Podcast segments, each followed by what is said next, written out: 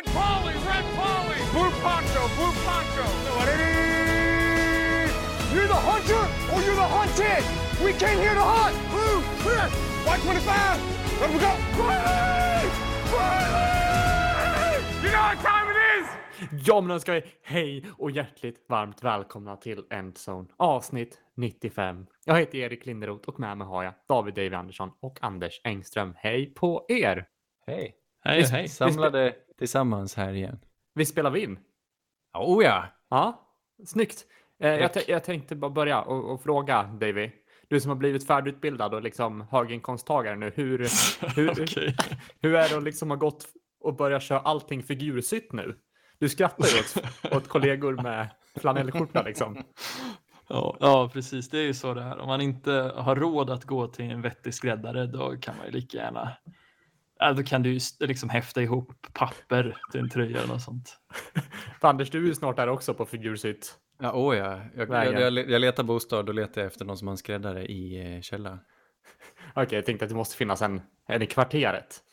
Nej, det behöver vara i samma hus. Ja, det är så pass. Ja, Vilket, vilket plagg tycker du är det viktigaste David, som ska vara figursytt? Oj, figursitt. Ja. Jag undrar om inte jeansen är viktigast där. Du kör jeans alltså?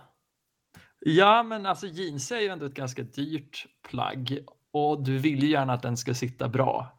fast där Är det inte ju- skönt att Fast få en jobbar riktigt bra väl- passform då? Men David, väl där finns det ju va? stretch och du har alla storlekar. Du kan gå in på nätet och ta en vilken du vill. De kan ju inte sitta dåligt ett par jeans eller? Ja, men nu Anders måste du veta att stretch innehåller elastan. Det är plast och plast, det är en sossefälla. Det går inte vi, vad heter F-skattesedelinnehavare på. Jag köper enbart 100% bomullsjeans. Ja. Men jag, jag, jag, ja, jag, trodde att, ja, jag trodde att pressvecken skulle vara viktiga för dig David. Och det är väl inte, det har man ju inte på jeans. Pressveck. Ja, men kostymbyxor är one in a dozen. Det kan du hitta på lager 157 om du vill. Det kan man göra med jeans också. Ja, fast då, då kommer ju bugar de mig. där, där sossefällan Erik. Det, får du vara, det är viktigt att skilja Ja, det jag, där. jag har faktiskt lag 157 sju jeans på mig just nu. Ja, är de stretch eller? Oh ja. Ja, Har du hunnit hitta någon fräsig... Kör du smoking ibland? Då ska du gärna ha någon schysst färg på din blazer också. Nej, det har jag faktiskt inte. Jag har ju som sagt gjort en overhaul på min garderob så jag äger inte så mycket kläder. Men det som är kanske lite väl dyrt och lite onödigt men som jag är väldigt glad över att jag köpte var en så kallad overshirt. Som är lite liksom grovare skjorta som man kan ha ute. Nej. Nej. Nej, men som en skjorta fast i ett lite tjockare tyg. Som, en, nästan, riktigt som nice. en blandning mellan innejacka och utejacka, eller? Exakt, Jag exakt. köpte en sån i helgen faktiskt. Nej, men du ser. Ja. Du är inte så låginkomsttagare du heller, Erik. Det, man glömmer Nej. nästan bort att Erik har ju jobbat x antal år. Men jag jobbar ju fortfarande, dessutom. Ja, det är sant. Det, det finns ett, ett problem med smoking förresten. När får man ha en? Man vill ju Ja, ha ja, en, det bra var ju schysst att ha en smoking, men, men när kan du ha den? Du känns ju Ofta mer... när du det är högtidsklädsel. Ja, precis. Då, ofta får du chans att ha frack för att det är ska vara högtidsklädsel. Men när har du smoking? Du kan inte, ha på, du kan inte välja att ha på dig en smoking när klädkoden säger mörk kostym eller något, för då ser du ju snyggare än resten. Då ser du, då ser du lite lustig ut nästan. Det är sällan man går på party och det är smoking. Ja, men man Ja. gillar ju idén med att stå vid baren med en Manhattan i smoking och skanna scenen så att säga. Men det är som sagt ja. sällan om man du är-. Hemlig agent. Ja, precis, precis. Det är väldigt sällan man klär upp Alltså jag har ju knappt gjort det. Liksom när jag har pluggat på högskola, då har det inte varit något gask eller liknande. Jag, jag klär aldrig upp mig.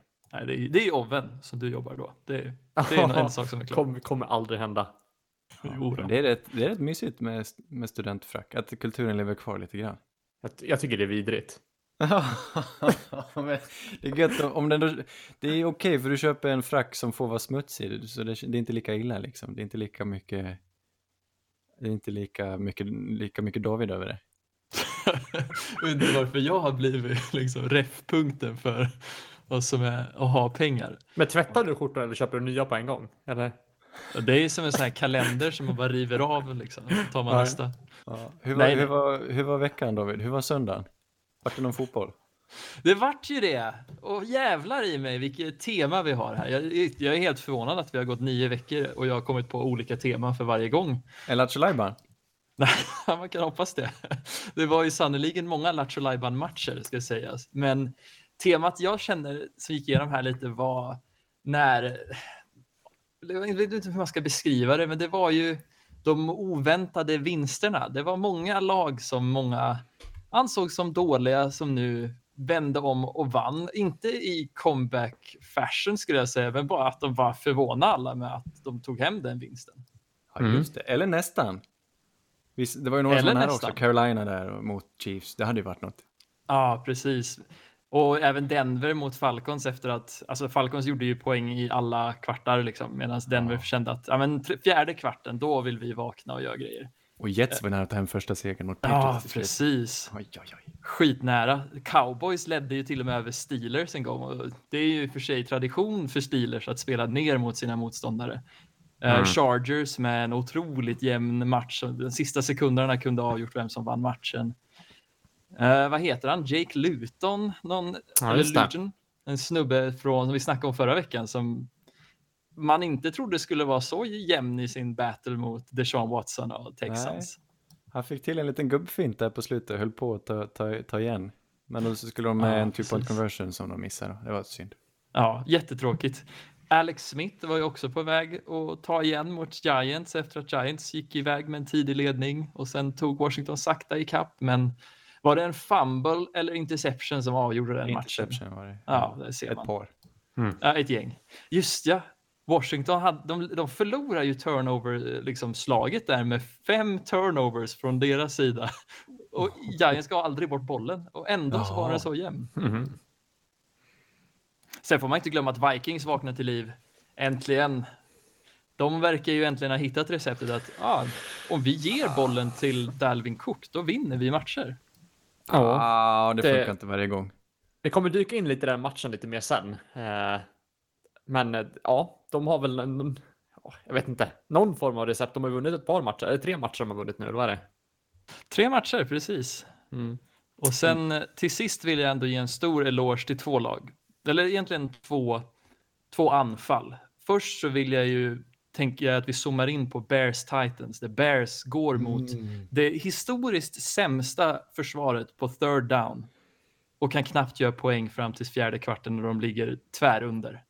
Ja. Eloge till Nick Foles och Ja, grabbarna. jag såg, jag, jag, jag såg första halvan av den matchen. Det var, det var bland det sämsta jag sett. Det var ju typ, de snittar kanske ett, en yard per, per uh, innehavande. Nej, det var riktigt, Positiv eller negativ?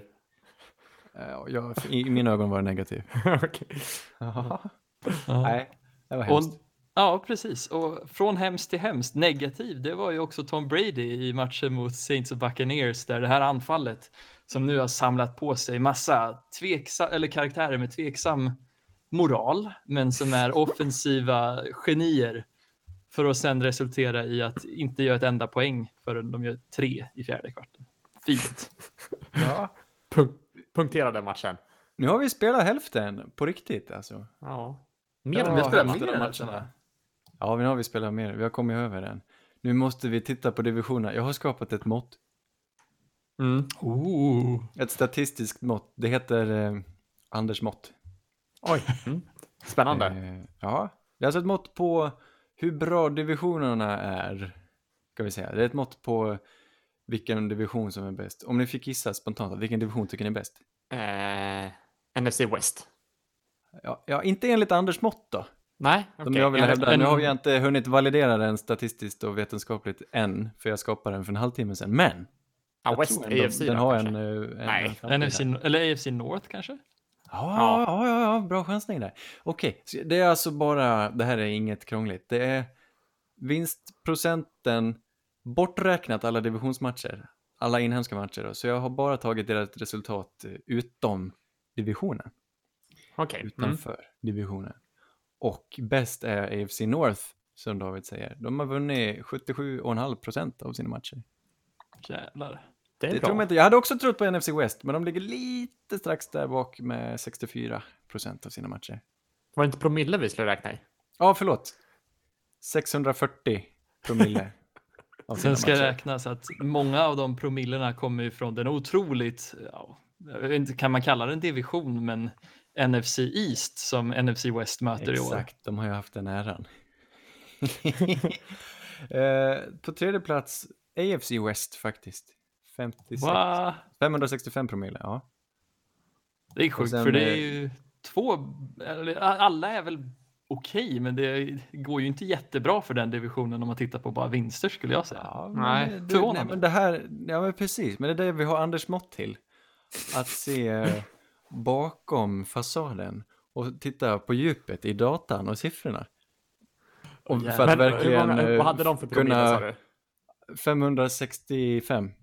AM. 565 AM kan vi döpa det till. Ja. Det, det, det blir som en egen enhet. Har du inte drömt om att ha en enhet uppkallat efter dig? Jaha.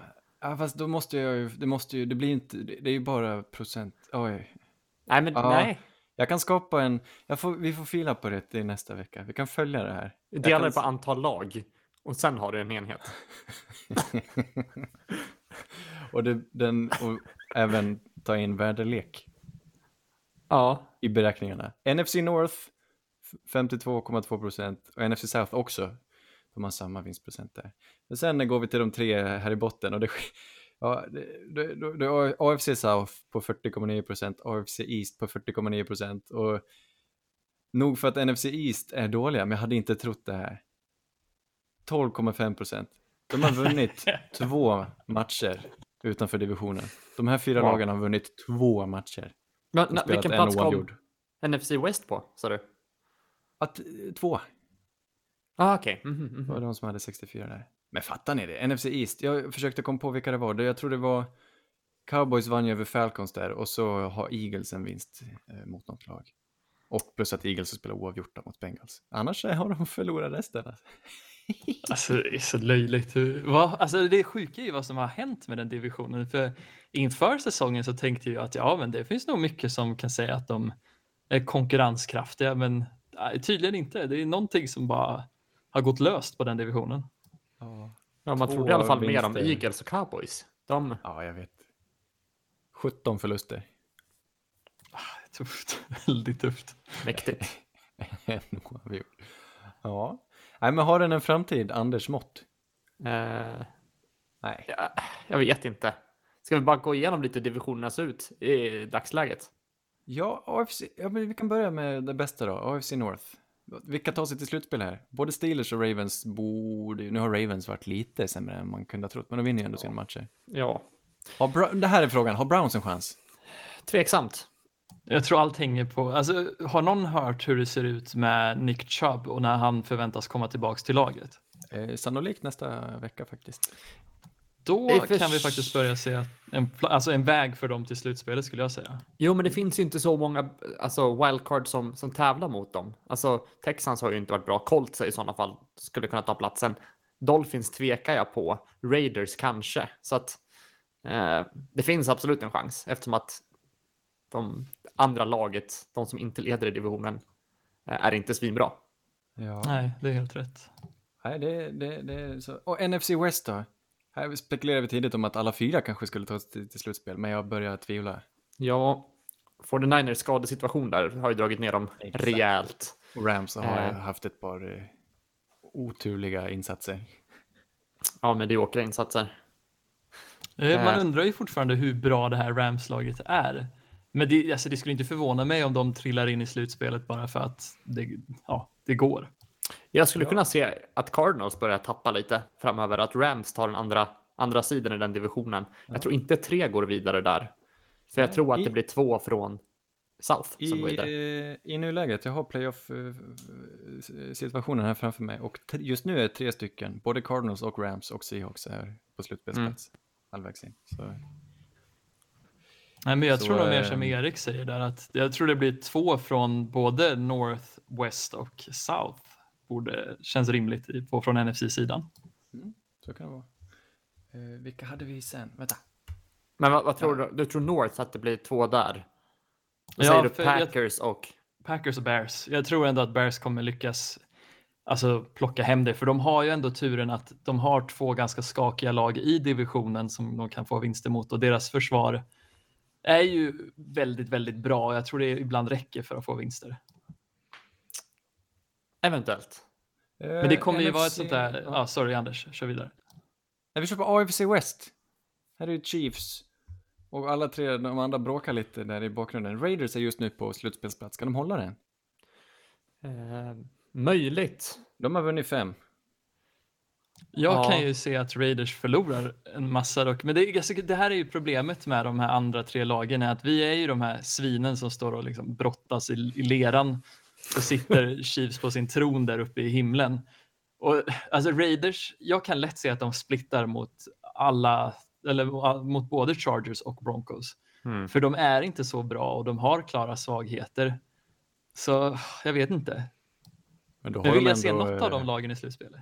De har ändå ett par, ja, ja, ja. Nej, jag tror inte det heller. Jag hade gärna nöjt mig med Chiefs där. Mm. Men det är lite spännande. Vi har, oj, oj, vad heter det, NFC South då. Där har Saints, i och med vinsten här, knipit första sidan. I hela NFC, det trodde man inte. Mm.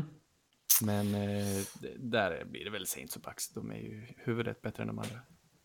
Det hade ju varit otroligt kul att se Panthers komma till slutspelet också. Men det är ju mest Ja. för att de är underhållande som lag. Eh, Både Atlanta och Carolina har ju bara tre vinster var och sex förluster. Och ligger en bit efter. Ja, för McCaffrey är tillbaka, men han blev väl skadad den här matchen igen nu, eller hur var det? Och är tveksam om han kommer spela nästa vecka. Jaså, var det så pass? Jag tror att det är lite 50-50 där. Precis day to day efter Ja. en eh, axelskada. Ja, men exakt. Så om han hade varit 100% då skulle jag kunna se att de skulle kunna kriga vidare här och kanske sno en, en slutspelsplats. Men nu tror jag att det blir svårt om inte han är 100% Så, så det sorgliga är ju att ett lag från NFC East kommer ta en av de här platserna då. Men eh, det sista laget som är värt att diskutera är väl Miami Dolphins som har en riktig chans här. De är just nu på slutspelsplats. För Browns för att de har bättre strength of victory. Mm. Ja, nej men Och för Colts, både Raiders, Dolphins, Browns och Colts har just nu samma resultat. Vunnit fem, förlorat tre. Spännande! ja, Ja, det- där vill jag ju helst se att Dolphins går vidare. Dolphins har ju ändå en tränare som är väldigt intressant och han för ju med sig ett narrativ som jag skulle tycka var väldigt intressant inför ett Ja. slutspelsscenario. tycker lite tidigt. Jag tycker de kan vänta ett år. Jag tror inte de har riktigt så mycket att tillföra i ett slutspel. Jag hade hellre sett Indiana- Indianapolis där. Eller möjligen Browns då. De har ju ändå chansen att slå andra lag. Dolphins vet jag inte om de kan mäta sig mot de största riktigt än. Eller? Nej, precis, men de har ju den här alltså, auran av mystik att de är nya, spännande, medan alltså Browns utan, alltså grejen är ju att om inte Baker styr upp det så kommer det vara ett ganska, det är liksom same old, det är ett lag som lyckas precis ta sig till playoffs och sen ja, förlorar direkt där. Samma sak med, med Raiders och jag vet inte, Colts vill jag se mer ifrån. Jag önskar att de hade gjort något i trade innan trade deadlinen för att göra dem till lite sexigare liksom, anfall just. För att det skulle vara någonting jag tror på. när jag ser Colts framför mig, då ser jag på den här när Philip Rivers ligger på ryggen och försöker, försöker tackla den. ser ut som en skalbagge. Såg ni det? Ja. Han såg verkligen ut som en skalbagge. Det var märkligt. Så det, det, just det, just. Jag ser Colt så, som så. Nej, men jag älskar Colts. Jag tror de vinner Super Bowl. Svårt att se det, tyvärr. Men eh, jag tänker vi ska hoppa in lite matcherna som har spelats. Eller känner vi oss nöjda med divisionspratet? Oh ja. Ja, vi kan hoppa in i, prata lite om eh, Dolphins där som vann över Cardinals den här veckan med 34-31. Och eh, många var ju väldigt, väldigt tveksamma på Tua efter förra ve- veckan trots att de trots att han vann fast han inte gjorde så mycket. Men den här veckan fick han visa betydligt mer vad han går för. Och man måste ändå säga att Dolphins ser nästan lite fräscht ut för en gångs skull. Det är inte, inte ofta jag säger det. Ja.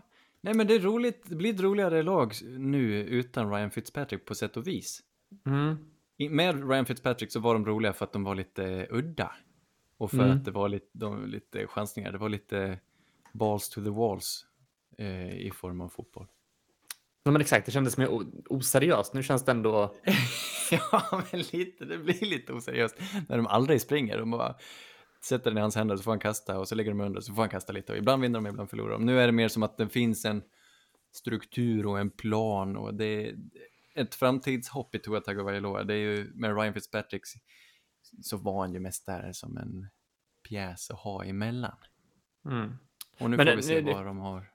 Ni pratar lite så här, men kan, de- kan de vara med och slåss i toppstriden? Cardinals ses väl ändå som ett nästintill topplag i år. Och de tar ju ändå den här matchen. Så att de Ja. är ju ändå någonstans i närheten i alla fall och nosar.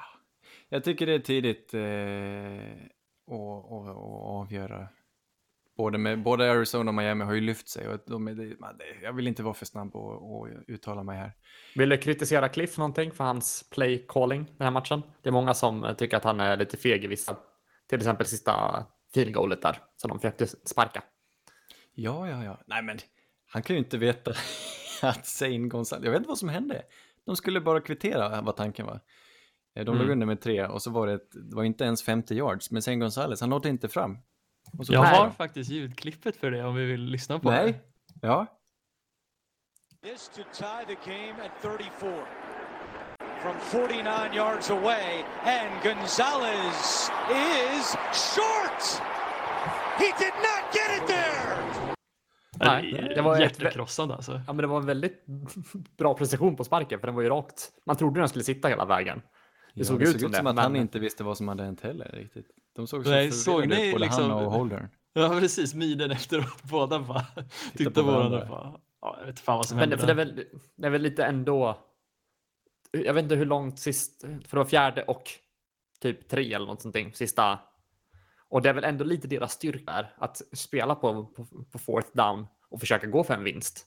Ja, men kanske. Och det var väl ändå lite tid kvar på klockan där. För Absolut. Även om de sätter den så hade de gett mig en chans till. Och det, det var bra kritik, jag håller med. Det tycker jag Cliff kan få sota för. Det skulle han nog ha gått för det, absolut. Mm. Man tänkte väl att han ja, har större chans i en förlängning, men jag vet inte. Han är lite, jag tror han är rädd för att göra fel kanske. Han kanske är rädd att kritiseras. Och så vågar han inte vara djärv. Som, vilket jag tycker han borde vara, speciellt när han kommer eh, utifrån. Han är ju inte in, lärd i NFL, han är ju lärd i college och har tagit Mm. sig framåt och, genom att ha ett lite eget system och sådär.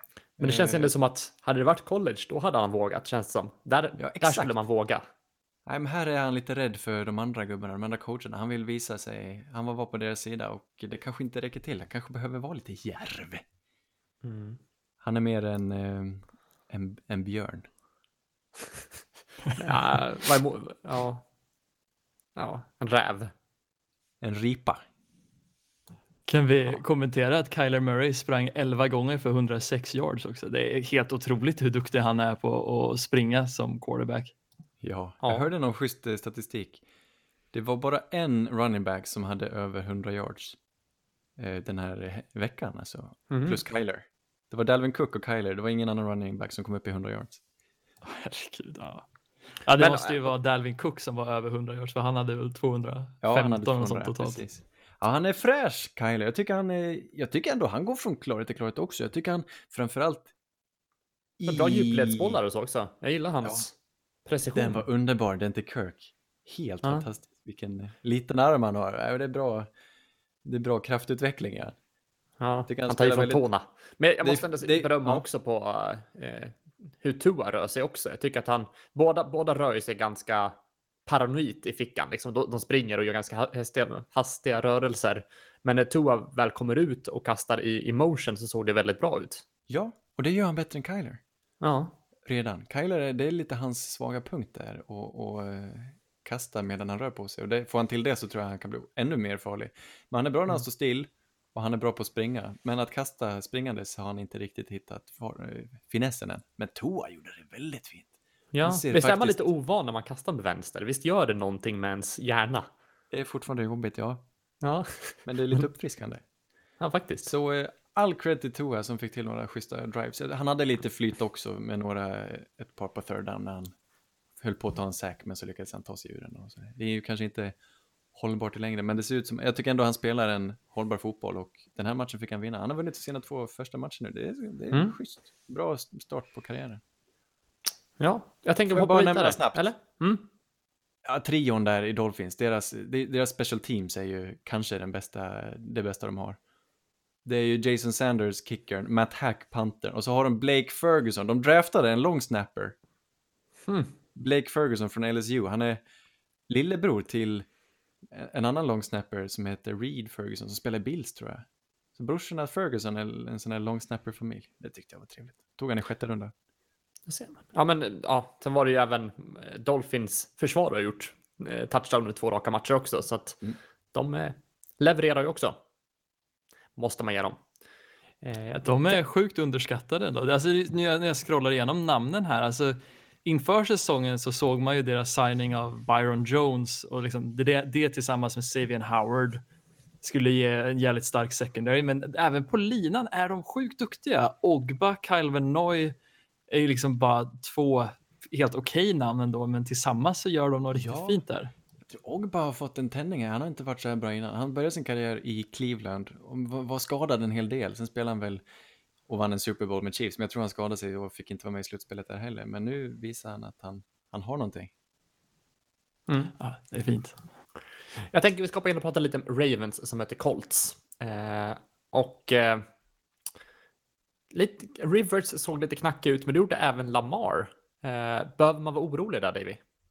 Nej, alltså det här var ju en jävligt alltså, defensiv match. De, alltså egentligen alla kvartarna. Mm. Och jag tyckte Lamar hade ju precis som Philip Rivers problem under större delen av matchen. Men det började Början av trilla... matchen i alla fall. Var segstartat kändes det som.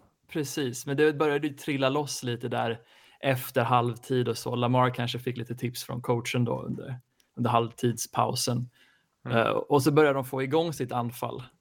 Och jag vet inte, alltså, jag tycker Lamar får lite oförtjänt mycket kritik. Jag, jag vet inte om det är för att folk håller han till den standarden som han hade förra säsongen som enligt tror mig att man- då var orimlig. Jo, men man tänker i alla fall att han inte ska... Han kanske inte behöver utvecklas, man kanske ska hålla ungefär samma pace, räknar man med. Man kanske inte hade... Nej, precis. Jag tycker det finns skäl att vara orolig. Nu har det gått en halv säsong och han har fortfarande inte... Han har ju visat det alltså, stundtals, men eh, han är ju inte alls riktigt där han var förra året. Och det tycker jag man ska få vara lite orolig för om man, om man hejar på Ravens. Kan man Ja, säga att det, absolut. att det är en smal plint? Eller? Ja, men, men det är ju också det. när man, I alla fall hans förra år. Det är som att balansera på en smal plint. För att ha den produktionen från ett anfall som jag tror många alltså var ju ganska förvånade att de kunde springa så pass bra som de gjorde och att Lamar då hade chansen att kasta till receivers. Det, hela liksom, grejen kändes som att det var svårt att reproducera det. Precis, det är för mycket att förvänta sig. Jag har, ja, det har Precis. du rätt i. Och jag tycker Lamar spelar bra nu. Jag tycker han spelar precis i linje med vad jag hade förväntat att han skulle utvecklas. Liksom om man tittar över hela hans karriär de här tre åren. Jag ser mer hans andra år då han var MVP som en outlier. Och liksom det här ser jag mer som att ja, men han, han är on pace att bli bättre och bättre. Precis som en Ja. ung quarterback ska vara. Och sen eh, det han gjorde förra året med de spelarna han har runt sig var ju, var ju över förväntan också. Jag tycker de har varit en lite sämre än vad man kan hoppas på. Mark Andrews har inte riktigt samma, han är bra, han är en riktigt fin block. Men han har Mm. varit eh, lite under eh, förväntan i år annars i anfallsspelet. Hollywood Bryan har ju inte lyft sig det där sista steget man kunde ha hoppats på. Får se vad Dess Nej. hittar på. Var han aktiv i den här matchen eller? Dess? Inte vad jag kan se. Han har i alla fall inte stått för någon produktion här. Ja, Men snart. jag vet inte. Ja, vi Sen får har väl se. även Ingram varit skadad. Ja, det är en stor. Han och Ronnie Stanley tror jag är en stor anledning till varför Ravens är lite mer, alltså de vacklar lite mer på anfallet. Mm. Ja. Och inte bara Ronnie Stanley, jag tycker offensiva linjen i sin helhet har varit lite sämre. Ja, det är sant. Men de var ju otroligt bra förra året. Men vad är din åsikt om, om Anders tror ju lite på Colts i alla fall, eventuellt Jag älskar Colts. slutspel, eventuellt. Oh ja. Vad säger du? Vad säger du Davy? Alltså deras försvar är ju otroligt fint byggt och även om det kanske inte är det här flashiga försvaret så är det fortfarande väldigt starkt skulle jag säga. Och Ja. de hade en otroligt fin idé den här matchen för att stoppa Lamar genom att låta Darius Leonard agera som spy lite där. Så han trackade vart Lamar rörde sig. Man såg han liksom ligga på pass lite och så fort Lamar var på väg att springa ur fickan så såg man Darius Leonard försöka rusa dit och tackla honom. Han är fin. Ja, men matchen alltså. De... 24-10 vart det så. Det, det återspeglar inte riktigt Jajamän. eh, hur det såg ut. Som du säger, de var en försvarstillställning och Colts hade oflyt. Dessutom hade de oflyt med dom- domsluten liksom. I början eh, med den där turnovern, det var synd. Det var Jonathan Taylor som tappade bollen. Det var inte så, så bra. Men att det blev en touchdown. Vilket han var lite känd för innan han kom in i, i ligan. Ja, det var så. Usch. Det tycker man inte om att Eh, se. men det är hans första fumble i år, men som Ja. sagt, det var väl någonting som han hade fått kritik Bra. för tidigare. Och så råkade det bli en touchdown. Och sen den här, vad var det? Det var en interception som inte alls var en interception. Som eh, John, jag tror Marcus Peters hade en interception som han tappade. Och så protesterade John Harbaugh eh, och fick den dömd till sin fördel i alla fall. Det var en tydlig, det såg ut som en drop liksom. Eh, men då dömde de det som att han fångade den och famlade den och att någon annan la sig på den. Men han tydligt, helt tydligt inte hade, det var ju inte, det var inte en fångst. Nej, helt precis. Det som, det som gjorde att det blev så märkligt var ju att de gick efter regeln att om han tar tre steg efter han fångar, då räknas det som ett football move och han Ja. är då en runner. Jag ser att fötterna, de, de nuddade marken tre gånger, men det var ju inte ett fotbollmove, det var inte steg. Det var ju medan Nej, han nej, föll. precis. Nej, det var bisarrt. Det var Mm. riktigt konstigt. Just att de dömde det som en, som en eh, incompletion och vände det till en interception. Det var skumt alltså. Ja, jag, jag lutar nog lite åt andra sidan. Jag tycker det är bra att de dömde den så, för jag vill komma så långt ifrån den här puritansynen på vad som är en catch som vi hade förut. Nu är det inte det att jag, tänk, jag tänker inte att du tänker så, att Anders, att du vill tillbaks till den här jag kom, var det tre år sedan när vi hade den här catchen av en tight end i Steelers när de mötte Patriots. Så det var ju helt solklart att vem som, titt, vem som än såg på det tänkte att ah, det här är en catch. Men på grund av de här helt obscena reglerna om vad som räknas som en catch så dömdes den bort för att han inte hade kontroll genom hela, liksom, hela vägen ner till marken. Vi fans är aldrig nöjda. Nej, precis, men jag tyckte ändå det kändes som han hade kontroll här och jag hade hellre velat att den dömde som den gjorde nu Att- än... Kan man inte bara titta på repriserna? Måste man dra ner dem i slow motion? För då, ser, då, då ifrågasätter man allt man ser. Men om det ser ut som en catch och eh, då tycker jag inte man ska, om det sen är en, eh, att det handlar om så små marginaler, tycker jag inte man ska döma om den. Och tvärtom, om det inte ser ut som en catch, så tycker jag inte heller att man ska ändra domslutet efter en, att man tittat på det intensivt i slow motion. Jag menar, ser, man ser man tydligt att det inte verkar som att han fångar den i realtid så, så blir det lite, kon- det blir lite jobbigt. Där. Ja, Det jag för förstår det. poäng. alltihop. Men å andra Ja. sidan ska det alltid bli rätt och de har ett jättesvårt jobb det de gör. Nej, precis. Men samtidigt så man kan ändå förvänta sig mer. Och jag tror det, det folk klagar mest på är väl just bara att de är så otroligt inkonsekventa i hur det här döms mellan teamen. Ja. Det känns som det är väldigt subjektivt. Det är väldigt mycket som är just subjektivt inom, inom dömningen just. Ja, Ja, det, faktiskt. även pass interference har ju varit är ju en stor diskussion. Ja, i år har vi inget konkret sånt att klaga på. Det brukar vara någon sak varje år. Eh, I år har det inte varit en enskild regel som har stuckit ut och därför har det väl känts helt okej. Men det, är alltid, det kommer ju alltid vara problem. Ja, precis. Apropå problem så vill jag ändå, alltså det största problemet jag ser med Colts och det som gör att jag inte riktigt tror på dem så mycket längre är ju att jag vet inte om, om jag är oschysst här som skyller på Chris Ballard, men jag tycker att lagbygget är felaktigt. Att göra beslutet att trada för eh, uh, Forest Buckner var ju, i och för sig- alltså, då kändes det ju smart att wow, här får vi en bra försvarspjäs och Colts försvar ser bra ut. Men när jag vet med facit i hand att Stefan Diggs fanns där för möjlig för trade och att man inte valde han istället. För det, det saknas så mycket i, på receiving coren för Indianapolis. De är otroligt platta. Det är liksom att behöva förlita sig på Michael Pittman Jr som är rookie och inte alls så stabil som han behöver vara för att han ska kunna bära det här anfallet. Och sen få in massa nobodies som Zach Pascal och DeMichael Harris som alltså, gör ingenting.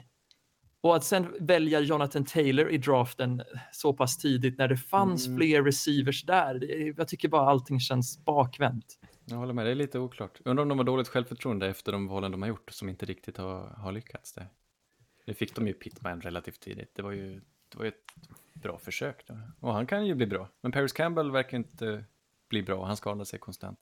Jag håller med om att de hade behövt en till receiver, men jag tycker fortfarande de gjorde rätt i som tog DeForest Buckner, för han är grym.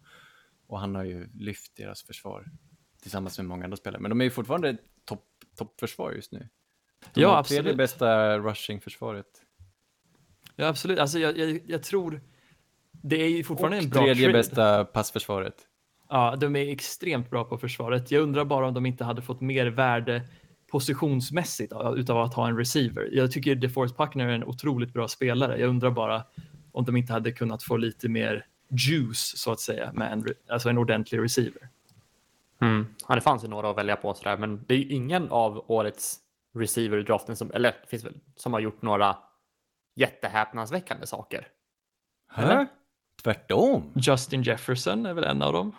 Ja, och jag tycker, ja i och för sig, det kanske Ja, finns. nu fanns inte han där för, för Colts räkning, men eh, lite senare Chase, Chase Claypool kanske eller så. Ja, Just han var ju i år ja, men eh, jag tänker på, Och Ja, Jerry Judy och CD Lamb. Jag tycker det har varit många rece- bra receivers i år, men kanske inte som Colts hade chans på. Det var om de hade behållit sitt pick och draftat någon på pick nummer 14 där eller vad det var de hade. Det kanske hade varit en idé. Men jag vet, ja, det där är... ja, ja, det, ja, sant. Det är många av de där receiverna jag tänker på som, sig, ja, nej, jag vet inte. Ja, nej, ni har rätt. När jag tänker efter, det är Ruggs och det är ju Lamb och hela, hela den skaran gick ju år. Det var, det var en stor, stor, eh, vad säger man, receiver pool i alla fall. Ja, jag är rätt imponerad. Över Ja. hur, men också över hur, hur förberedda de är och hur snabbt de kan leverera. Både Lamb och Judy, vi såg ju dem och tyckte att de verkade hur bra som helst, men man kan inte förvänta sig att de ska vara bra på en gång. Så är de det, hur bra som helst båda två. Nej, Ja. precis, precis. Nej, jag vet inte, jag önskar bara att man kunde se mer och det gör ont i ögonen att se Zach Pascal i det här laget. Jag har inget illa emot Zach Pascal, men jag, tydligen. det känns bara som han har den här oturen att bli förknippad med alltså ett depleted roster. Det, han är en wide receiver fyra kanske, men nu får han liksom rollen som en andra receiver och det, det, det sticker i ögonen på mig. Men ja, jag, jag måste, eh, f- vad heter det, ändå, eh, vad ska man säga, förklara mitt utlåtande också med att jag tänker att många av de receiverna som gick har, spelar ju i gans, ja, en del lag som inte kommer gå vidare, till exempel Lambo eh, som spelar mediokra lag, men det har ju ingenting med deras insats att göra i och för sig. Nej, Nej. Nej, det gör ju inte det. Men det är också, jag vet inte. Ja, ja ja, nej. Jag, Nej, jag vet inte vad jag är Vi på väg släpper med. det. Vi släpper det. Vi går vidare till eh, Chargers som mötte eh, Raiders här. The Raiders vinner med 31-26. En intressant match eh, måste jag säga. Där Chargers, vad ska man säga, de, de ledde eller vann antal yards och de ägde bollen större del av matchen. Men lyckades inte vara lika effektiva som, som Raiders var här. De gavs alla chanser, men Ja. vägrar ta hem segern. Carr glimmar ju till ibland och gör fantastiska kast och runs. Eh, det som fäller avgörandet kan varit en misslyckad där eh, pantmottagning som eh, Chargers gör. Mm. Eh, och sen är de ju extremt nära på att vända precis i slutet där när eh, Säg det Parham, inte. Nej, Parham han gjorde, nej, han gjorde inte fel. Nej. Nej, men det, i realtid såg det ut som en klockren touchdown, men eh, sen såg man att han tappade bollen där i Ja. slow motion. Ska vi sluta med slow fram. motion eller vad säger vi? Vet du vad jag... Nej, den var ju ganska tydlig. Nej, förlåt. Jag tar tillbaka allt jag sa om slow motion. Det är tur. Den räddar oss ofta. Men, jag tycker de kan ge honom en lite större roll, Donald Parham. Ska de verkligen bara ta in honom när det är fourth down i, i red zone eller när de inte har något annat alternativ? Kan de inte låta... Han är ju snabb, tror jag. Jag, tycker, jag tror han har speed. Det visar han ju både i XFL och i college. Han spelar i Stetson. Det är en skola man inte kommer, höra talas om, kommer höra talas om igen. Donald Parham, jag vill se honom ta lite fler snaps, springa lite, ja men etablera honom i anfallet istället för att han ska vara någon sorts ploj som du stoppar in så alla vet att bollen kommer gå till honom. Det är lite märkligt. Men eh, vi ska ändå- berömma, vet ni vad? Alltså han gjorde det helt okej och det var en bra boll, men det var ju deras corner, det var Isaiah Johnson, jag kände inte till honom. De plockade honom i fjärde rundan förra året, han har spelat college i Houston. Det var han som räddade, det- var en perfekt pass breakup. Och jag tror det Det var var, en den an- andra som som, han hade i, ja precis. Rubbade bort Han hade två stycken sådana i sista driven, så det var han som räddade matchen. Snyggt, Isaiah Johnson. Ja. Ja. Där har vi så här, om, alltså precis som att vi pratar om eh, Marcus Peters interception. Jag känner ju att den där var väldigt lik det, det som hände med, med, med Marcus Peters, det som hände Donald Parham här. Nej, nej, Han nej, tar nej. ju bollen och landar liksom vanligt och sen på vägen ner mot marken så liksom trillar bollen fri. Där är Men det jag tydligt att den studsar i, i backen. Ja, ja, precis. Och enligt en de reglerna vi har. Men jag känner ändå att jag hade nog velat att den där ska dömas som en catch och touchdown. Jaha. För när han väl hade fötterna i, då hade han kontroll på bollen, men på vägen ner Exakt. han tappade kontrollen. Exakt. Både ja och nej. Ja, Jag vet inte. Jag känner liksom att det här breaking the plane-regeln borde gälla vid receptions också. Så om du fångar med kontroll, landar med båda fötterna, då spelar det ingen roll om du överlever marken eller om bollen poppar fri efter. Men nu, var det ju, nu poppade den ju lös i luften. Nu var det Precis, inte marken men- som gjorde det. Så att, säg säg att, att han hade haft den under kontroll hela vägen ner till marken och där studsade den lös. Då kanske jag hade varit med på det. Men nu var det faktiskt en pass break- breakup på vägen ner. Som, Precis, men det jag liksom argumenterar för är att touchdownen sker tidigare när han fångar och båda fötterna är i marken och han har kontroll. Där är det en touchdown och bollen är över. Sen så fortsätter ju, eftersom det inte blev en touchdown där, så fortsätter ju spelet och sen slår corner Isaiah Johnson undan bollen. Otroligt bra pass breakup. Men jag ifrågasätter mer bara att jag tänker ju att bollen är död när han har kontroll och båda fötterna nere. Det är ändå lite kul när det är regler som gynnar försvaret. Också. Ja, det ska de ändå ha och det, man får inte liksom ta ifrån dem allt. Nej, men det var en märklig tillställning och som du säger Erik, många individuella misstag från Chargers sida. Jag tror, undrar om det var deras rookie KJ Hill som muffade den där panten. Raiders liksom bjöd in dem gång på gång på gång där i slutet. Mm. Eh, men ändå så gick ingenting deras väg. Det är svårt att skylla på något specifikt, där man tycka om, det är klart. Men alla verkar vara en bidra- egen bidragande faktor till att Chargers inte vinner. För de är snygga på Justin. Herbert och, eh, ja det är de. Förutom Herbert och, och skägget, Keenan Allen, så gör alla andra varsina misstag och sen går det illa. Verkligen. Jag har faktiskt försöket med Donald Parham. Vill ni lyssna på det eller? Ja, Kör hårt. Alltså de hyllar han som fan också. Ni ska få höra här. One second. Here's the ball game. Herbert will float it right side. It is Parham. Did he catch it? Touchdown, Donald Parham. Ja, nästan i alla fall. Det är helt sjukt hur glad han är för Donald Parham. Jag kan tro att de är släktingar. Dialekt. Ja. Donald Parham! Jag förstår honom. Ja, jag med. Stetson, det, det är en skola vi ska ha ögonen på tror jag. Jag tänkte på dig Anders. Jag tänkte nu är Anders glad när jag såg det där också. Men sen blev det bortdömt där. Ja. Sannerligen uppblåsbar. Vi ska prata om Vikings som mötte Lions där eh, Vikings vinner med 34-20. Och eh, kan, vi- kan vi bara börja med, att- med att Stafford är ju, han har varit skadad hela veckan. Eh, han gör en Han var på medioker- covid-listan. Ja, han har inte tränat hela veckan i alla fall Nej, precis. eh, ska vi säga. Och Chase Daniels, den eviga eh, reserven, hoppar in i slutet där. Det kändes som att eh, Stafford gick av planen för att han var skadad i den situationen. Han pallade inte mer. Han tyckte inte det var kul längre. Det Ja. kändes som att det är inte mycket som, som går deras väg.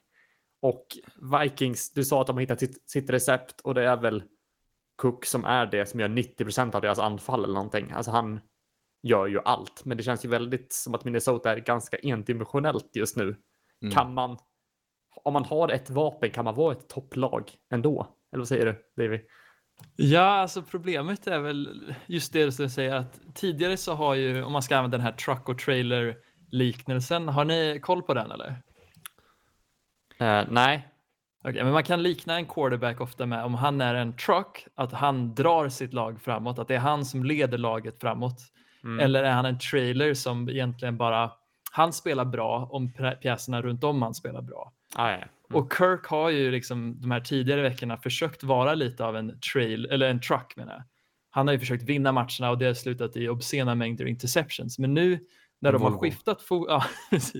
När de har King skiftat fokus och, och han har blivit en sån här släp från OKQ8 du kan hyra för 200 i timmen och sånt där.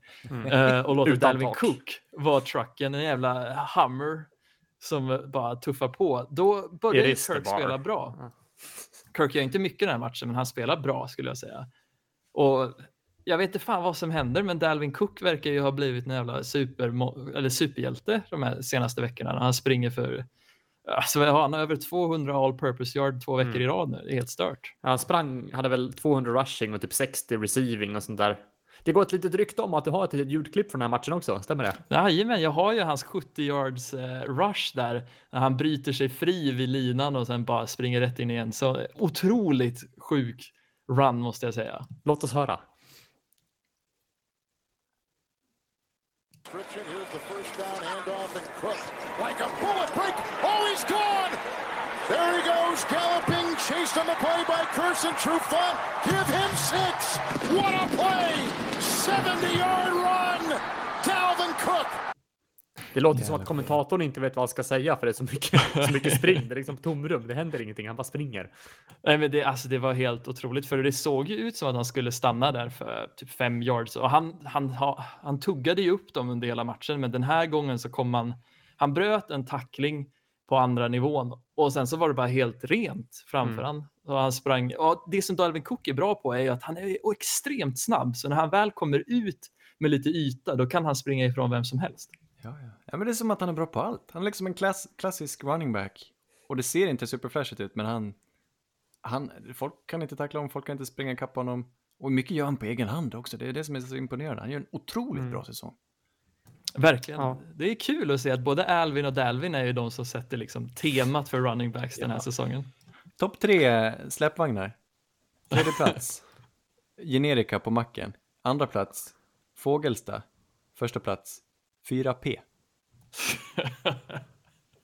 Men inte imponerad. Jag kom på två eh, släpvagnsmärken. Ja, det är Ja, det var- fot. Jag kan inte något känner jag. Nej, inte jag heller. Jag kan mackarna man hyr släp på, men jag kan inte ett enda märke. Jag minns det, för det stod alltid ett släp i anslutning till eh, eh, Slättaskolan där jag gick låg och mellanstadie. Som det stod 4P på. Och det var precis i, in i synfältet när man satt och gunga. Jaha. Oj. Ah. Då tittade jag, varför, varför, varför stod det 4P? Är det en sån eh, 4P ti- för? ti- tippen-vagn som man lägger ris på och åker upp till tippen eller? Vilken modell är det där? Ja, det är lite mer, det är en Davidvagn, det är lite högre status. Ah, än 4P. kåpa, inte bur. Så... Ah, Både okej. bur och kåpa, du kan göra precis vad du vill med den. Åh helvete. Nu Bara, men du får betala lite. Det, det är värt det. Vilken- lite extra, men i, i slutändan, det är ju värt det. Har vi något märke på hästtransporter? Eller kör de? Det känns Oj. som att det är samma märken som gör dem. Eller? Ja, det vete Oj, fan. Jag vågar inte uttala mig där, för då får vi många på oss. Alltså. Där finns det åsikter, kan jag tänka Tror mig. du att Gå in på Facebook och våra, kika. våra lyssnare har starka åsikter om hästtransporter? Ja, det, det räcker med en och sen, är vi, sen får vi inte sända mer. Hon mördar oss. Jag tänker inte, Men- nej. Hur... eh, Nej, jag tänkte säga hur stort är, är Ja, travsporten? Men ge inte in i argument med Nej, hästmänniskor. men travsporten tänkte jag nu bara, NFL. Finns det några NFL-spelare som är kända hästägare? Devin White, han äger väl flera stycken. Är det så? Jajamän, det var väl det han var känd för inför draften, att han ägde en jävla massa hästar Ah, som han ja. brukade åka Just runt med på campus. Men var, ja, just det. Var det inte han... eh, Även Ed Oliver hade väl häst? Ja, så var det De har ja. brottas med häst. Det var väl Men de- hästtema inför den draften. Men det, var, ja, det är inga travhästar vi snackar nu va? Nej, Jag, frågar, jag vet inte vad de gör med sina hästar i USA. Kör de något trav i USA? Är det ens en grej? Vad heter det när man rider eh, på hästen istället och inte i sulky? Galopp? Ja, det finns en annan. Horse annan. racing? Dressyr? Nej, jag vet fan. Nej. Ma, vad är maner för någonting? Manege. Man, man kan ha, gå dressyr i en manege. Man kan även ha cirkus i en manege. Är det så? Ja, det är väl hästar går i manege. Men det är väl själva, det är liksom arenan. Okej, jag trodde att man kunde rida i ma maner. Ja, det Alltså kanske att- man kan, det, det ska jag inte säga något om. Låter vara osagt. Eh, Ja. Skritt och tölt, jag kan, eh, islandshästen har ju flera gångarter alltså. Men den är enda som töltar. Det vet jag också. Ja, det, Ja, det- jag lovar att det finns fler hästar som kan tölta. Nej, Vi ska inte ta upp det här för folk kommer skriva in alltså, vi får hat, det blir hatstorm. Visste du inte att den portugisiska vattenhästen också kan tölt? Ja, 3% just det Erik. Vad fan. men är det Eller inte så här, det är väl egentligen ingen unik gångart, utan det är bara för att den islandshästen går så, är vi kallar det tölt. Men den här går exakt likadant. Ja, men det är ingen islandshäst. Det är så det är. Men vet ni vem som inte kan tölta? Eh, Detroits Delvin rushing. Fy fan. Alltså jag vet inte vad som händer. Att det här laget saknar identitet och det är det som stör mig med Lions. För de har på papper ett sånt jävla anfall.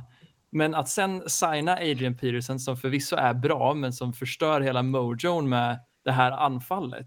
Och att vi inte ser ett, liksom ett kastanfall som är helt elektriskt med bitar som liksom Danny Amendola, Marvin Jones, TJ Hawkinson och eh, Kenny Golla. Det är helt sjukt. Vad händer med Lions? men åh, kan man, kan man lyfta upp Amendola som en bra receiver nu alltså?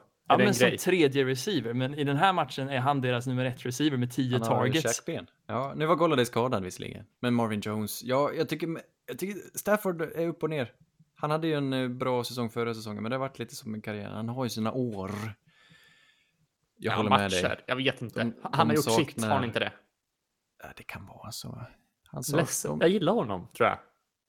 De arbetar liksom på en identitet och det känns som att det finns något där och det finns många spelare som fansen tycker om. Men så lyckas de inte få ihop det till något. Och deras, såg ni deras nya försvarsstrategi med att ha tio man på plan? Det hände tydligen Det hände två gånger förra veckan och en gång den här. Jag tror på den 70 yards runnen kan det ha varit som de hade 10 man på plan. Gud, aj, aj, aj. Och det här är liksom Matt Patricia som ska vara geniet. Ja. Ut med han, ut med allihop. Ja, verkligen. Om vi ska hoppa över till försvaret på Minnesota så vill jag ändå höja en. Vi snackar ju väldigt mycket om TCU i draften och Gladney. en av, ja precis, Jeff Gladney, han har blivit mobbad i slotten hela säsongen. Tills den här veckan när han var strålande. Han, man såg han överallt göra plays. Det var jättefint att se och kul för Jeff Gladney att han äntligen verkar få koll på att vara slot corner. Ja, en bra match. Ja, vi får se om det Nästa håller i vecka sig. ställs han mot eh, Allen Robinson. Det blir Aj, aj. I och för sig ingen annan receiver i Bears. Det kan faktiskt funka. Nej, ja, nej, jag tycker Minnesota, det som eh, du var inne på, de, eh, jag tror inte det håller i längden. Det, att mata sin running back, det är fantastiskt när det funkar, men det är lite samma symptom som Titans har, att de matar för mycket och då blir det endimensionellt precis som du sa och jag är rädd att man inte, man, det är lätt att man fastnar i ett hål där. Jag tycker Minnesota har fastnat i det hålet de senaste åren liksom, under Mm. Kubiak, eller vem det är. Jag vet inte vem det är som Det är envisas, Kubiak, men precis. jag tycker att de, ja, det behövs lite förnyelse där väl. Kanske en, eh, vad säger ja men lite allmän förnyelse. Nu börjar de väl träda bort lite spelare och försök, göra ett tappert försök till att bygga om, får se vart det hamnar. Men Kirk skulle de kanske inte ha förlängt med. Men det är svårt att veta, de hade ju slutspelsplaner. Men nu ser det ju lite knepigt ut. Men Kirk är ju också en sån här rytmspelare som han bara får lite stabil mark nu någon vecka så tror jag faktiskt att han kan höja sitt spel. Det såg vi ju förra året när han spelade kast fyra veckor i början och sen efter att ha blivit utskälld av Stefan Diggs i media så bestämde han sig för att börja spela bra igen och då blev ju Vikings contenders. Han är ju helt beroende av Dalvin Cook och play action. Jag, tror han- jag tycker han är mer beroende av sin running back än vad Ryan Tannehill är. Tannehill kan fungera på annat sätt, men de matar också sin running back. Men, där, men Kirk Cousins vet jag inte vad han vore utan play action. Ja, det är fan sant. Det, alltså Kirk är ju lik Baker där tror jag att de måste ha ett starkt springspel att luta sig på för att kunna vara produktiva. Ja. Är man en bra QB då? Tvek! Vad är en Tvek, okej ja, tack. QB? Inte om du eh, förlitar dig på det. Nej, det är klart du inte kan vara. Det tycker Nej. jag inte heller. Nej, man, man når liksom me, medelmåttig, liksom. det är taket om man förlitar sig på sånt. Om, man, om det krävs 200 yards på marken, mer till och med om man räknar in Alexander Mattisons, då, då, då är man inte en bra QB. Men i Browns fall så var det ju bra för laget att ta in Stefanski och den här, den här tanken och den här eh, eh, religionen, eller vad det är. Under den här Precis. Vi eh, vandrar vidare och pratar lite Bills som mötte Seahawks. Bills vinner den här med 44-34 och jag känner mig lite förvirrad här Anders. Du får nästan eh, eh, förklara för mig vad är det som händer här. Russell gör väl kanske inte en, jo, en medioker insats, men det är många runt omkring honom som gör det svårt för honom. Det är i alla fall, han har varit, vad ska man säga, halvbra två av tre matcher nu. Eh, och det är väl lite okaraktäristiskt för honom? Eller?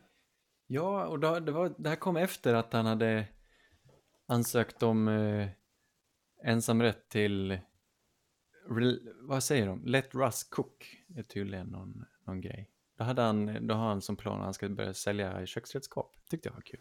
Han är ju lite av en entreprenör han Russ. Jag såg, jag såg för ett tag sedan någon grej, han har tydligen någon, något mediebolag också, någon liten grej som producerar videos och grejer som han startade för ett tag sedan. Det har jag hört att han talas om äger- faktiskt.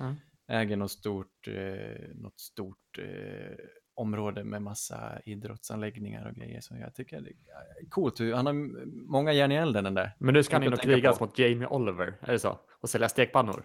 Ja, det tror jag. Ha- ja, Ernst. Ernst, ja. Här sitter jag och tar in eh, rummet.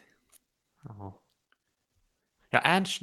Ja. Men jag tror inte Ernst i sig är en entreprenör. Jag tänker att det är hans, eh, någon som tänker, men du Ernst, får jag tjäna, kan vi inte tjäna lite pengar på dig? Vet Ja, du hur det är där? Jag tror att det är hans son eller alternativ söner som drar mycket i den businessen.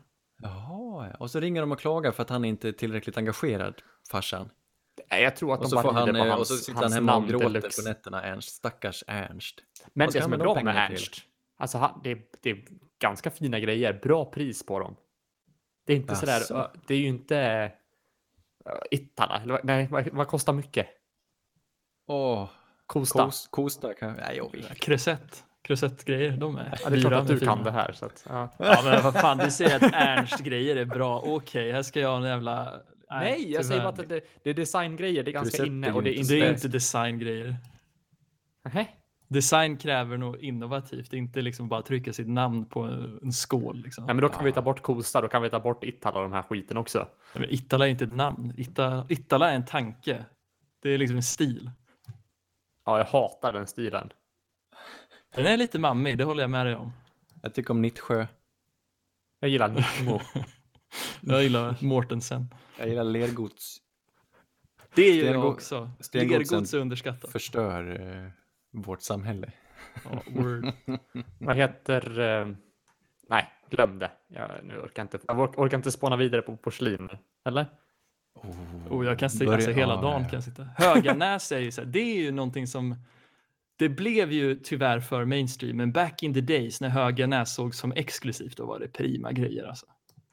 Och är det, det är också lera, det är Skåne det? Skånsk Jajamän, eh, precis. keramik, va? Ja. Vad heter det här? Marimekko eh, design, eh, vad heter det? Det är väl Marimekko? Ja, men det finns, de har väl olika mönster och sånt där va?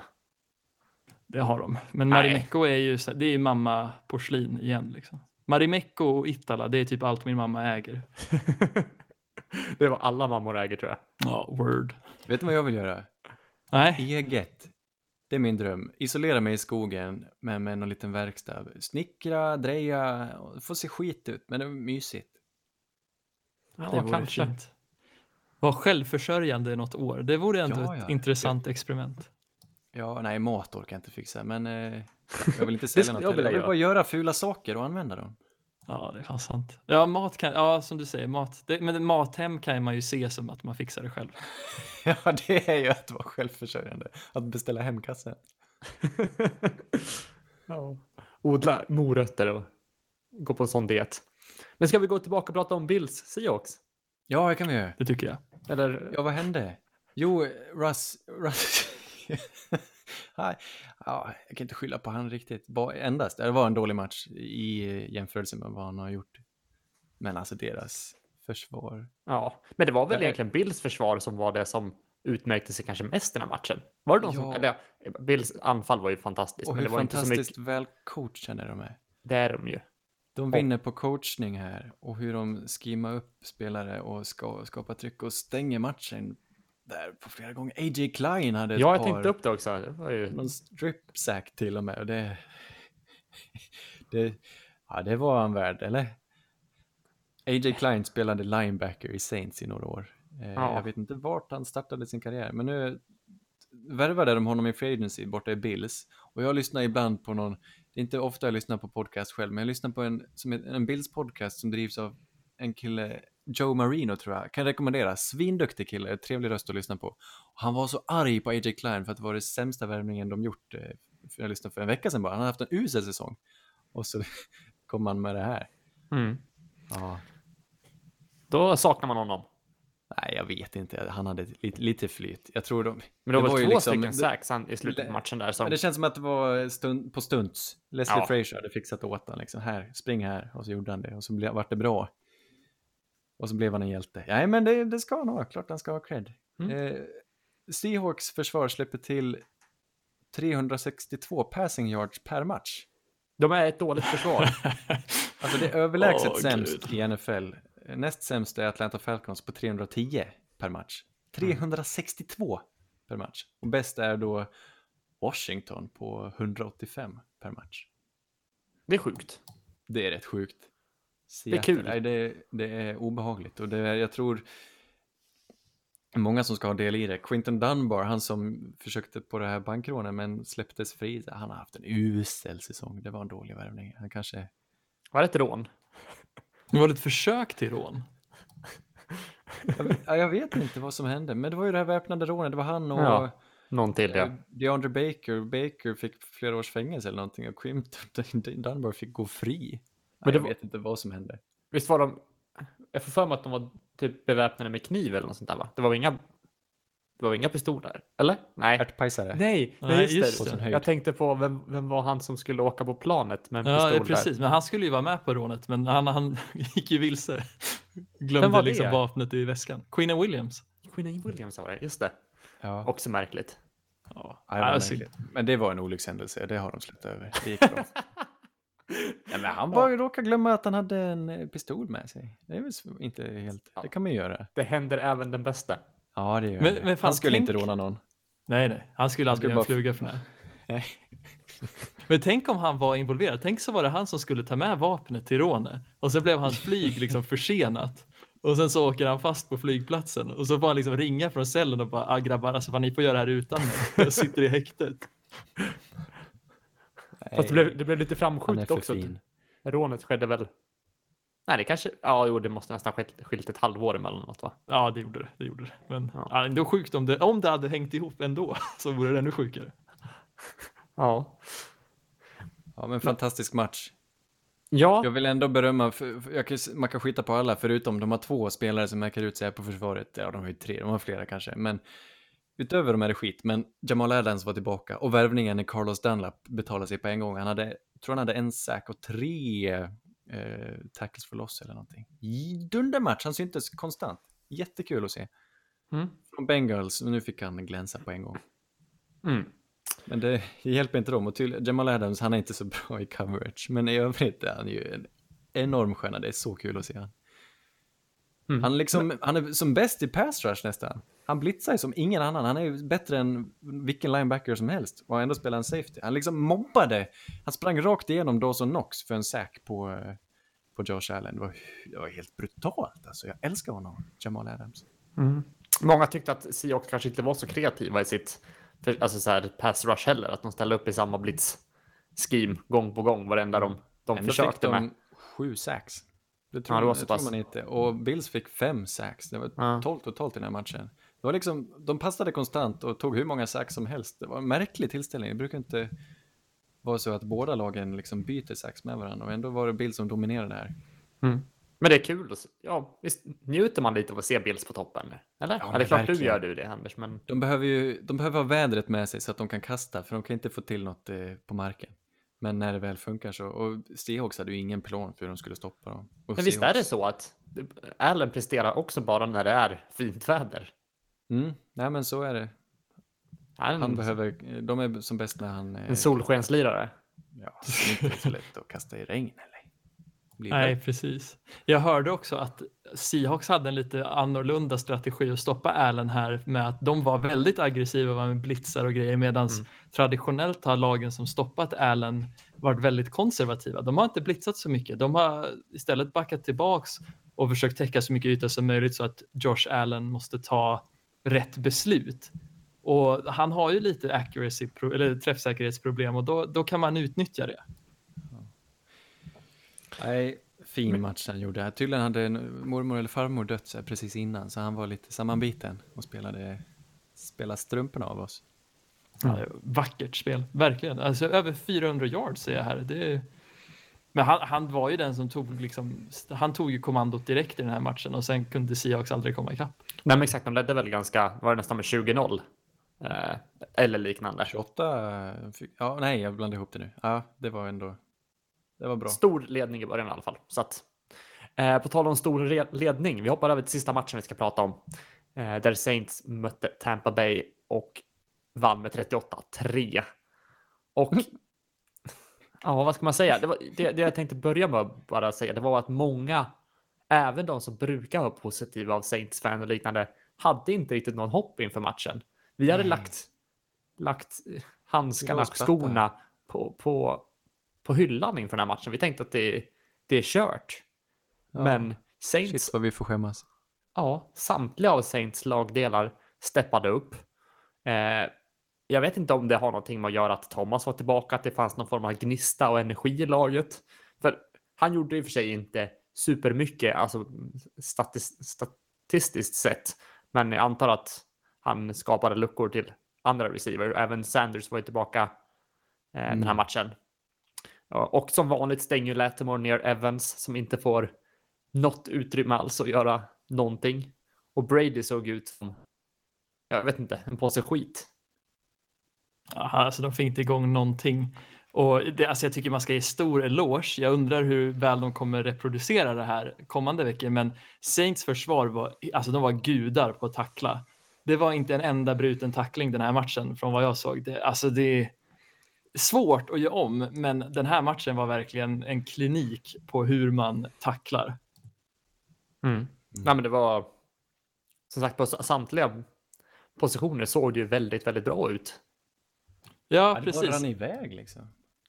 Och Jag Ja. tror, alltså skillnaden, det, jag tror en anledning, jag tror inte det är den enda, men en stor anledning till det här är just skillnaden mellan de här två lagen i att Saints är ett lag som har hållit ihop ganska länge. Det är inte så mycket nya ansikten där. Och man spelar vad som kan vara det sista året som många av de här namnen kommer vara tillsammans.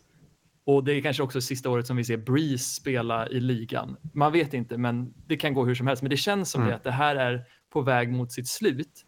Och det skapar någon sorts kollektiv och också erfarenheten de har med varandra. De här har varit i stora matcher, de har förlorat stora matcher och det, har liksom, det blir liksom en, vad heter det, en glöd för dem. Mm. Att de vill kämpa tillsammans. Och det ser man inte i Tampa, för här ser jag ett, ett spritt lag. Det här är ett lag som trots de har ganska gamla spelare aldrig har varit i de här stora matcherna och känt liksom hur det känns. Och det är därför de lämnar in den här matchen och speciellt när man, jag vet inte, jag är, jag är otroligt glad att liksom spelare som Leonard Fournette och Antonio Brown liksom lämnar in den här matchen och det ser jätteplatt ut. Och att Mm. liksom att hela Tampa, och, ja, nu ska jag bara sluta prata. Vad tyckte ni om Tampa Bay? Jag tyckte det också var roligt det här med att det var fyra QB som var inne på, på planen och Brady hade sämst passer rating av de fyra. Ja, Både, både Hill och eh, James Winston hade bättre rating än Brady. Ja. plus att det kom in en femte där på slutet. Jag vet deras backup i Tampa, nu kastade inte han så jag tror inte han fick någon pass rating, men han, han tog ett knä där. Och det gjorde han bättre än vad Tom Brady hade gjort tror jag. Det var inte mycket som gick rätt. Säkert. Men det, det som ändå är intressant, det är ju att Saints försvar, det var väl egentligen inga nya pjäser där som, som höjde det, utan det bara klickade den här matchen. De steppade upp. För de har Ja, ju haft de- potentialen, de ja, har ju haft de precis. stora namn överallt, men det har inte hänt någonting. Nej, exakt, det var det här vi tänkte på förhand. Jag, att det var, de är ju Super Bowl-kompatibla Saints, det skulle gå Ja. bra och så har det bara skitit sig totalt. Och nu får man tillbaka hoppet. Nu vet vi att det finns där och Mm. så ska det bara finnas i, i, i rättan tid och i rätt matcher. Då. Men nu vet vi att det finns, det här är ett lag, spelar de så här så kan, kan de ju slå vem som helst, vilket är, åh vad skönt att se att det inte bara klappar ihop totalt. Och nu tänds det någon sorts, sorts glöd som man, nej, jag skäms över att jag inte trodde på dem inför matchen. Jag tänkte väl att det möjligtvis skulle kunna bli jämnt och har en tendens att vinna jämna matcher. Ändå trodde jag på Tampa, men på det här sättet. Så Mm. Tampa av alla lag, de har en sån här varje, ett, varje år. Det känns som tradition. Förra året så klämde de dit Colts och körde över dem totalt och vann med, nu ska vi se, de vann med 34-7. Året dessförinnan Mm. klämde de dit Eagles och vann med 48-7. Mm. Ja. Eh, Det är alltid, de har en sån här match i sig varje år där Breeze bara ler och så dominerar de ett lag. Och det Mm. känns som att det är ungefär vid den här tidsperioden varje säsong också. Det, det är nog ganska det, det, är ganska periodiskt hur Saints spelar. De ser likadana ut från år till år, så får vi gissa. Fortsätter det så här så kommer de väl spela som sämst i slutspelet även denna gång. det är tvek. Jag tycker det, det, känns annorlunda här, för nu behöver ju inte varken Kamara eller Thomas vara fokuspunkten. Men att de två pjäserna finns på plan, det öppnar upp så mycket mm. ytor så det är inte sant. Och nu har de playmakers runt omkring dem. Jag tycker ändå deras receiving core ser stabil ut. De har ja. Marcus Callaway, Emmanuel Sanders och massa andra mindre rollspelare liksom, som ändå mm. bidrar till helheten. Just det. Troutman eh, hade ett par fångster. Troutman ja, hade till och med en touchdown från Dayton College, också en, en udda fågel i sammanhanget. Jag eh, tänker inte ta ut någonting. En quarterback som är tight end nu va? Visst är det så? Bara glad. Nej, det var inte han. Jo, det kanske var han också. Förlåt, du, du, det stämmer nog kanske. Eller? Nej, jag kan ha fel. De draftade en annan QB som de gjorde om till Titan, men honom släppte de. Men Troutman kan nog ha spelat QB någon gång i livet, men han spelade ändå Titan i Dayton på slutet. Ah, okay. jag. Mm. Eh, jag, eh, jag är bara glad över den här matchen. Jag, jag kan dö lycklig nu på något sätt. Det här var ja, väldigt upplyftande. Jag tänker inte ta ut någon seger i förskott. Jag vet inte hur det kommer se ut framöver, men det här var ju det här var ju ren njutning alltså. Och Drew Brees, det var, de har ju en sorts kamp här om touchdown-rekordet. Ja, just det. Drew Brees tog över ledningen igen. Brady har ju haft en bättre säsong hittills. Så det var ju kul att det var mycket som stod på spel och att då få skåpa ut dem på det viset. Jättefint. Mm. Men Sen... jag tror eh, Tom Brady är tillbaka nästa vecka. Han kommer vara, han är, han är vansinnig. Ja, de kommer ju garanterat återhämta sig från det här tror jag. Och, men jag vill inte ge en eloge här till, på försvaret i Tampa Bay. Jag tycker att alltså Devin White, för, alltså för varje match som går, går från klarhet till klarhet. Och det är såklart när man ser den här matchen varför de valde just Devin White när de valde där fifth overall för något år sedan. Ja. För Devin White, han kommer vara kryptonit för Alvin Kamara om man ska vara helt ja, frank. Liksom. Ja, men eh, de har spelat mot Saints så mycket och de draftade honom bara för att kunna stoppa Saints eh, screen-spel. Ja, han är alltså det, som... det är värt ja. det. Ja, han, de beskriver ju han som en värmesökande missil och det är precis det han är. Ja.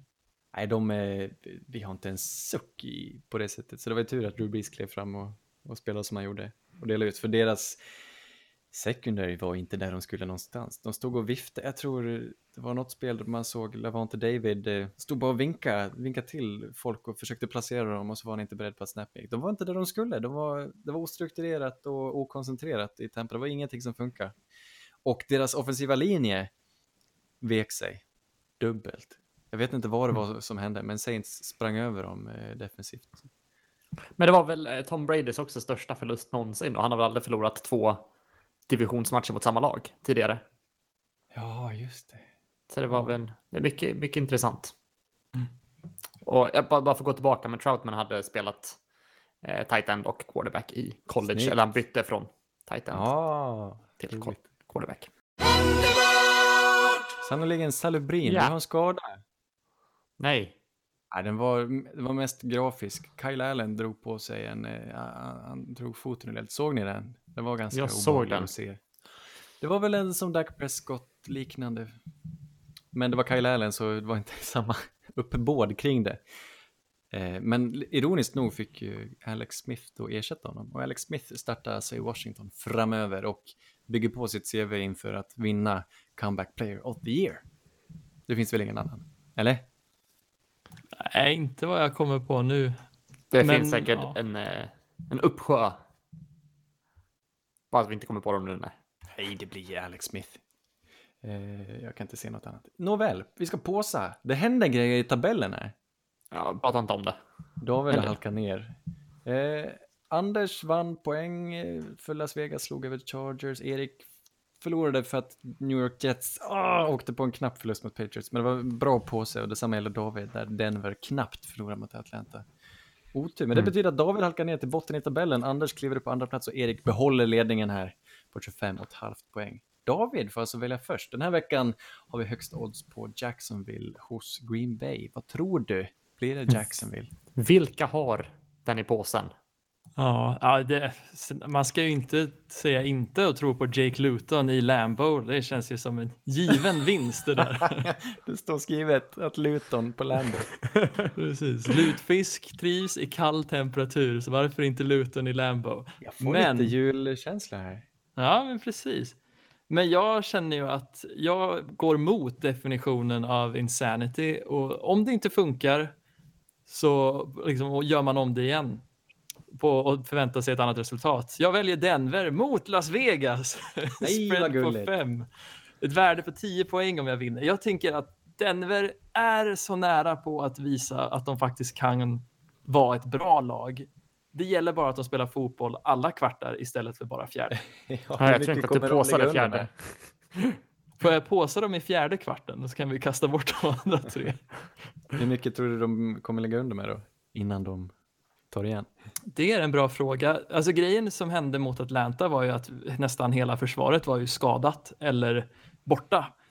Uh, och om vi får några pjäser tillbaks så kommer det vara svårt för Las Vegas att göra poäng tror jag. Så jag är ju väldigt glad att det är så hög spread för jag tror att det kommer vara en otroligt jämn match. Ja, ja men det borde det ju vara. Bra, bra plock. Uh, åtta vinster står sig. Det blir inte nio. De åker på sin första förlust här, Pittsburgh. Oj, oj, oj. De tar alltså emot Cincinnati och Joe Burrow med en spread på sju och ett halvt poäng. Men jag undrar om inte det kan bli jämnt här. Pittsburgh ser ut att spela jämnt mot alla. Uh, nu, det här, det här tänkte jag innan, men nu ser det också ut som att Big Ben eventuellt inte spelar. Han är satt på någon reservlista. Jag tror han, han kommer inte med att träna, men det blir väl säkert som Matthew Stafford förra veckan, att han rycker in så här sista sista minuten. Annars, om inte så blir det Mason Rudolph här och då tror jag Cincinnati definitivt har den på sig. Men Joe Burrow, de, eh, han lär ju tvingas att bli av med bollen illa kvickt för att de sätter mycket tryck i Pittsburgh försvar. Men jag undrar om inte han, eh, han kan fixa detta. Alltså. Mm. Spännande. Ja, Bengals bryter Steelers eh, svit. Jag tror också att Steelers har den längsta sviten att eh, att gå utan förlust mot ett lag. Jag tror de har vunnit 8, 9, 10 raka mot Cincinnati. Ja, men jag, jag, ser den som en möjlig. Jag tycker inte att de är, som sagt, de var inte överlägsna den här veckan och jag tror att det kan bli tufft. Någon gång ska de förlora. Ja. Lite som att Jets måste vinna någon gång, men det är inte de jag tänker på så den här veckan, för de spelar inte. Eller? Gör de Nej, det? precis, de är på Nej, bye. Exakt. Eh, det finns många intressanta påsmatcher. Dels eh, Seahawks som möter Rams som jag ser att de kan vinna. Buffalo är också underdogs mot Arizona, vilket de kan vinna. Eh, Colts kan vinna över eh, Titans. Men jag vill ha lite bättre utdelning, så jag tror att Texans tar den där mot mm. Browns. På en spread på tre. Snyggt. Mm. Ah, jag väntar fortfarande på dem. att det ska hända någonting. Nej men Dishon Watson har ju spelat riktigt, riktigt bra fotboll. Jag... Ja, men de vill ju inte vinna så mycket matcher där så att. Eh... De har ju ett uselt, är det nog så lätt som att de har ett uselt försvar alltså. Det kan det vara värdelöst. det. Det är helt värdelöst. Men Cleveland mm. är ostadiga så det kan absolut bli en vinst. Det kan bli en tight match om inte annat. Men det finns många intressanta matcher. Även Giants skulle kunna bjuda upp på, på dans mot eh, Eagles och ja, Panthers kan ju vinna över Buccaneers som vi såg efter. Det beror på lite hur det ser ut med McCaffreys situation där också, men. Men där det står mest på spel, det är redan på torsdag. Colts möter Titans i Nashville och den här matchen avgör vem som tar ledningen i divisionen. För jag tror Tennessee har en mer vinst än vad India har just nu. Ja, och den 5-3-6-2. Ja, Vet ni vad, jag säger, jag säger Colts här. Jag tror verkligen att det här är en typisk match som Colts går och vinner. För det är ett starkare, det, det, det, det är en starkare själ. Vilket är skäl ja. nog att slå ett Titan som inte alls har sett särskilt imponerande ut på slutet här. Jag tror Colts borde, i mina ögon är de till och med favoriter. Jag tycker Colts ska vinna den här matchen. Jag håller med. Det känns lite som en, som en Colts-match det här. Men eh, nej, Titans tar den ändå. Oh, jag vet inte fan alltså. Det känns ju som att torsdagar aldrig är snälla mot Philip Rivers för om det är lite ostabilt då blir det mycket turnovers från han. Men Indy som lag känns ju väldigt bra matchup mot Tennessee. Ah, nej, men jag älskar Tennessee. Jag kommer välja Tennessee alla dagar i veckan och jag tror ändå att Tannehill och den mannen han ändå är, att han är ju den, den här sällsynta arten som faktiskt är bättre när man sätter press på honom. Kommer visa sig väldigt bra här och väldigt nyttigt. All right. Houston besöker Cleveland. Erik säger Houston. Ja, du har en poäng där. Mm. Jag har det det, så, ja, det är som vi, jag tycker det bara är så bräckligt det här försvaret så att jag vågar inte säga att de kan vinna en enda match. Jag, jag, om de inte möter ännu sämre motstånd. Browns. Browns. David. Eh, Nick Chubb, om han är med här, då är det en given vinst till Cleveland, det är jag rätt säker på. Men Ja. utan han så är det, då lutar det fan mot Houston, tänker jag. Så stor skillnad gör det väl inte? Nu är han fantastisk. Absolut stor skillnad. har ju en schysst hand där. Ja, men han har ju inte visat sig vara samma typ av back när det kommer till produktionen på springspelet. Jag tänker på matchen mot, var det Cincy de mötte? Alltså, det helt otroligt. Det var Dalvin Cooks siffror liksom, tillsammans, när man räknade ihop Hunt och Chubbs produktion. Och de, de två tillsammans kommer verkligen förvandla det här laget från det det är nu som är mellanmjölk till ren och skär, alltså Kefil. Kefir ja. Jag tänkte gå till så här bondgårdsmjölk, opastöriserad. Eh, Men jag väljer Houston här. Deshaun Watson har spelat väldigt bra och det vore fint om Jaså? han får mer utdelning på det. Jaha, du vänder. Kul. Okej. Ja, Hej. väldigt. Uh, FWFT mot Detroit, i Detroit. Också en liten uh, halvöppen match här. Ja. Nej, men, Men, låt oss eh, inte ens prata om den här matchen. Nej, vi gör inte det. Jag säger Detroit, vad säger ni? Ja, jag är på. Ja, varför inte? Ja. I och för sig kommer de kunna göra poäng. Ja. Nej. Jag håller med dig. Det här är två trötta lag. Alltså. Det blir en trött tillställning. Adrian ni- Peterson punkterar matchen. Ja, mot sitt forna lag. Ja. Igen. Han, ja, vilken rolig. Han har många forna lag det. Ja, han möter Vikings och så veckan därpå så får han möta Washington. Det var lite lustigt. Mm. Packers då mot Jags, det här är inget snack. Eh, sen har vi Giants som tar emot Eagles då. Det, det, det, det här är ju också en viktig match nu när du säger det. Den är ju väldigt tajt den här divisionen. Måste vi prata om den här matchen? Ja, något lag ska vinna. Jo, det så är det ju. Eagles gör väl det. De måste. Alltså, det finns inget annat. Hur kul är det inte att Daniel, att, eh, Daniel Jones, sen han i de matcherna han startat så har han bara vunnit mot ett annat lag än Washington. Som han har slagit fyra gånger. Ja, det är intressant alltså. Det är sjukt. Ja, nej men det är inte, det är otur är det. Mm. Men han får ingen vinst här heller. Om man inte skulle väl... Ja, men du ja. Uff. Mm, det tål att tänkas på. Har David Mm. något eh, klokt att säga? Ja, alltså det, det känns som turnovers kommer bestämma den här matchen. Och jag, jag vet inte fan vad som har hänt med Daniel Jones, men han är ju skuggan av sig själv som han var förra året. För förra året var han ju ändå intressant. Han kunde ju gå lös och stå för helt obscen produktion. Och andra matcher kunde han kasta bort matchen helt. En liten Jamies där. Och Carson verkar ju ha anammat den andan lite. Han kämpar ju mellan, alltså för fulla muggar. Och det är, ibland blir det jävligt fel jag tror ändå att Philly är favoriter här och jag vill ju att det ska gå bra för Philadelphia. Men jag tycker New York har det bättre lagbygget i nuläget så jag kan inte gå emot Carson. Ja, jag är så fast- svag. Jag väljer Philly. Vi pratar ju inte om det, men alla lagdelar är inte hemska i Eagles. Jag tror deras de defensiva linje är bland de bättre. Jag tror de har otroligt fin sack-produktion. Och eh, New York där, de startar ju bland annat två rookies på tackle, eh, på left och right tackle. Så det, jag undrar om inte Eagles kan stoppa dem den vägen. Just Vi har eh, Tampa Bay som besöker Carolina. Det här är också lite öppet på förhand, men jag tror Tom Brady, han är ursinnig. Han mår så dåligt Mm. och kommer göra det hela veckan. Och det, jag vågar inte betta mot honom i det här fallet, det går inte. Även om Carolina brukar, eller visade sig kunna göra matcher intressanta, så, så, så, så oj, Tom Bradys ögon. Ja, Ilskan där. Mörker. han eh, kommer göra en drömmatch. Ja, det kommer. Jag kan inte se något annat. 10 000 poäng. Ungefär. Men vore det inte sjukt om inte Carolina var i den här matchen också? Det känns som att det laget kommer vara med i alla matcher och det kommer alltid vara kul att titta på dem. Mm. Ja. ja det är så. Jag Men väljer? Carolina bara för att jag tycker om Carolina. Hellre dem än Tampa Bay. Ja, de brunkar på. Broncos eh, åker till Las Vegas. Där... eh, Alltså, Ja. är rätt, alltså, jag, jag fylls ändå av någon sorts glädje när jag tänker på Denver. För jag tänker att äntligen är det någonting på gång.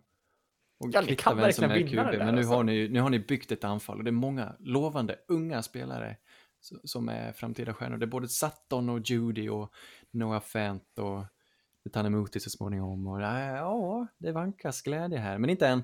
Raiders vinner. Raiders, eh, Raiders, Raiders. De spelar väldigt traditionellt och det är ganska trött fotboll tycker jag, Las Vegas, men av någon anledning så vinner de. De får ut det bästa av sina spelare. Jag vet inte om Denver lyckas med samma sak. Nej, det är ju det som är nyckeln och du har helt rätt Anders. Frågan är ju, kommer Denver att liksom äntligen låsa upp det här anfallet? För i nuläget så har det varit vackligt och det här är ju också ett lag som är otroligt grönt. Det finns någonting där, men det här är ett lag som har by far det yngsta laget skulle jag säga, i alla fall anfallet. Om man tittar på deras skill position spelare, det är inte många old souls där om man säger så. Medan Las Vegas är de lite mer rutinerade i det här fallet. Men det här är ju egentligen slaget mellan lagen som borde förlorat mot Chargers och jag undrar om inte det är en coin flip i så fall. Ja. Eh, Erik, vilka säger du? Ja, du.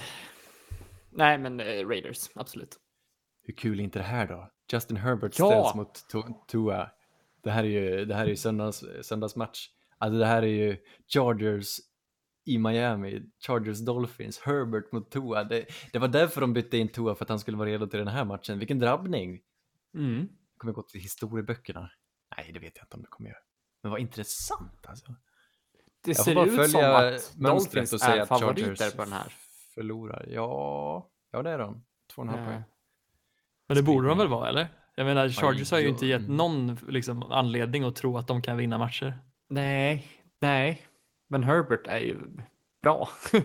Herbert är ju överlägset den bästa, eller inte överlägset, men han är den bästa quarterbacken just nu av de unga. ja. Och Men det är därför jag vet vill fan. att de ska vinna, men... Nej. Ja, men vinner han mot ett Brian Flores försvar? Jag tycker Brian Flores är väl kanske den mest intressanta unga defensiva Oh, coachen. ja. Och han Mm. kan slänga mycket på en rookie. Jag tror Herbert får det jättesvårt. Ja. Jag tror Miami faktiskt vinner den här ganska skickligt och enkelt nästan. Inte enkelt, men tryggt. Jag tycker de har den i påsen verkligen, Miami. Dolphins är 5-3, hörni. Det är otroligt. Ja, och kan vara 6-3. Ja, det är faktiskt, det, är- det är stort. Mm. Det är snyggt. Bills Cardinals. Cardinals är favoriter på hemmaplan. Hur kan oddsen fortfarande gynna hemmaplan i det här läget? Har Jag det tror så att det där betydelse? är just den här bettingsidan som du har valt. För jag tror Nej, det här är konsensus. De samlar från alla. Ja, Okej. För om man kollar på till exempel E ESPN på deras pick'em-sida så är Bills favoriter vad, vad fans tror. Ja, men det stämmer ju inte med oddsen. Nej, eller ja, det beror ju på vad folk har bettat på. Ja, ja men... Ja, eh, men det är inte med pengar. Det på ISBN är ju utan liksom, Jo, jo, jo, med men- pengar som insats. Jag antar att många av de som spelar på till exempel E ESPN sp- bettar också. Och då bettar man väl ungefär lika som man gör på E ESPN, tänker jag. Ja, Ja, så de som sätter tvek. oddsen, det är oddsmakarna som av någon som verkar vara, ha en fascination för Ja, hemmaplan. men de, de korrigeras väl beroende på hur folk bettar? Eller? Eh, ja, inte från början. Ja, Inte... det, de korriger- jag har ingen aning. Jag kan tänka mig att de korrigeras beroende på hur de ska kunna tjäna pengar. Precis, jag tror spreaden inte också. justeras. Spreaden justeras inte efter hur folk bettar utan från liksom vad de tror att det kommer vara. Jo, absolut. Det är väl någon som sitter och... Ja, Det där- absolut. Man skulle jag kunna aning. manipulera det annars, antar Ja, det jag. där är svårt. Ja, vart men jag vi? vill nog säga? Bills. Ja, Ja, det gör jag. jag. tror också på Bills. De, får, de har nog redan ångest när de ska ta sig an Kylie Murray. Jag tror Calamari kan få några yards här också. Men Buffalo, alltså, han är vass, Josh Allen. Han kan nog kasta sig igenom det här försvaret också. Mm. Det gör han. match, divisionsmatch. Seahawks, Rams. Rams är knappa favoriter här för att de har hemmaplan. Men jag tror att Russell är tillbaka. Utan tvekan, han kommer vinna det här. Ja, nu, eh, ja, absolut. Han har haft sina dåliga matcher den här säsongen. Eller, ja, Och Rams kommer ha några fler. så är det. Men Seahawks. frågan är ju inte om det är Russell känner jag, utan det är det här jävla försvaret på Seahawks som... alltså jag har nog aldrig sett... Det är som en bil som saknar bakhjul typ. Hur ska Russ kunna ta dem över mållinjen om de inte får Det är hjälp? framhjulsdriven. Ja, det får man hoppas, men Russ, Russ kan inte göra allt. Jag tycker det är så synd för Russ är så duktig, men han får så lite hjälp och det är någonting. Jag vet inte varför ska det alltid bli så här med Seahawks att de känns halvdana liksom. Vet, vet ni vad som har gått lite under min radar? Det är hur bra Rams försvar är i år. De har spelat svinbra försvar. Och det här behöver vi ta upp i något avsnitt. Vi får titta lite närmare på det. Jag vet inte riktigt hur det går till, men de har en liten ny defensiv plan där. De har väl bytt koordinator också. Legenden drog väl där. Vad heter Precis, han? Wade Eh, Phillips fick ju Wade lämna där. Phillips. Exakt, och det har gjort nytta nu. Var han bra, men de har ett litet nytt tänk och det verkar betala sig. Nu, jag börjar tänka annorlunda. Jag börjar förstå varför Los Angeles är favoriter och jag tror de skulle kunna... Oh, de kommer öppna starkt, sen får vi se om Russ kan hämta tillbaka. Ah, den, är, t- den är nog helt öppen den här matchen. Ja, vi har knappt pratat om Rams i år. Det var väl väldigt länge sedan. Ja, vi, är, vi är alldeles för dåliga på det. Vi får se till. Vi kanske får skäl att ta upp den här nästa vecka då. Det tycker jag. Rams försvar måste vi... Oh, vi måste bita i det. Kul. Mm. Nåväl. Fortniners Saints. Skulle på pappret en stor match, men Saints är ju favoriter med tanke på Fortniners alla skador. De är ju helt Mm. trasiga. De har ingen Kittel, ingen Garoppolo och saknar väl lite annat material också. Jag vet inte hur det ser ut på offensiva linjen, men Saints efter den här eh, bländande insatsen ska Mm. väl kunna tåga på någon match till, va? Det tycker man. Det tycker vi. New Ja, Orleans. det här är i Saints också som har tagit in lite fans, lite fans nu, så det låter lite också. Det tycker inte Nick Mullen som, tror jag. Nej. Bengals vinner över Steelers, håller ni med mig? Nej. Nej, inte jag heller. Alltså Burrow hade en så dålig match mot Steelers sist. Och jag vet inte fan om man kommer ha repat sig från det. Jag har någon han form av, överlever så tror jag han kan skapa poäng. Sen jag har någon form av löfte till mig själv. Att aldrig gå emot ett lag som är på win, win, win streak. Ah, nej, det är sant. Jag kommer tro på dem tills de förlorar. De har alltså vunnit, jag tror faktiskt, de har vunnit tio raka mot Bengals de senaste åren. Och de har vunnit åtta raka den här säsongen. Ah, jag sätter ändå Cincinnati. Det kan bli kul. Och det måste. Eh, Ravens hos Patriots. Men hur, vänta, får jag bara, hur, Den mycket press, press känner du nu för picken? Press. Ja, men att du Jaha. leder och sådär. Det Ja, går ju väldigt det. bra för dig i år. Ja, i pick, ja, nej, ja, det är roligt, men jag tänker inte, det viktiga här för mig är ju påsligan, det, det smäller högre. Ja, det är så. Ja, det är det verkligen. Härligt. Ehm, Ravens kommer ju köra över Patriots, jag kan inte se något annat. Vi har Vikings i, på Soldier Field där. Jag tror Chicago vinner över Vikings, ja, på måndagsmatchen. Kanske. Kanske. Jag tror att eh, Kanske. Nu, vi pratar ju väldigt eh, extensivt om hur mycket de förlitar sig på Dalvin Cook. Det tycker jag inte man ska göra när man möter Chicago Bears som är ganska bra på att stoppa springande människor. De stoppade Derrick Henry, de kan stoppa de här. De kommer ju satsa allt på att stoppa Dalvin Cook och tvinga Kirk och skapa lite eget. Och han har ingen Mm. dings, men han har ju ett par vapen i Jefferson och Thielen. De får kliva fram här och vinna i, i, i luften om det här ska gå.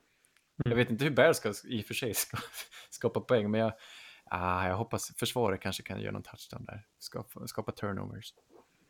Jag sätter Vikings på den här i alla fall. De har ångan uppe.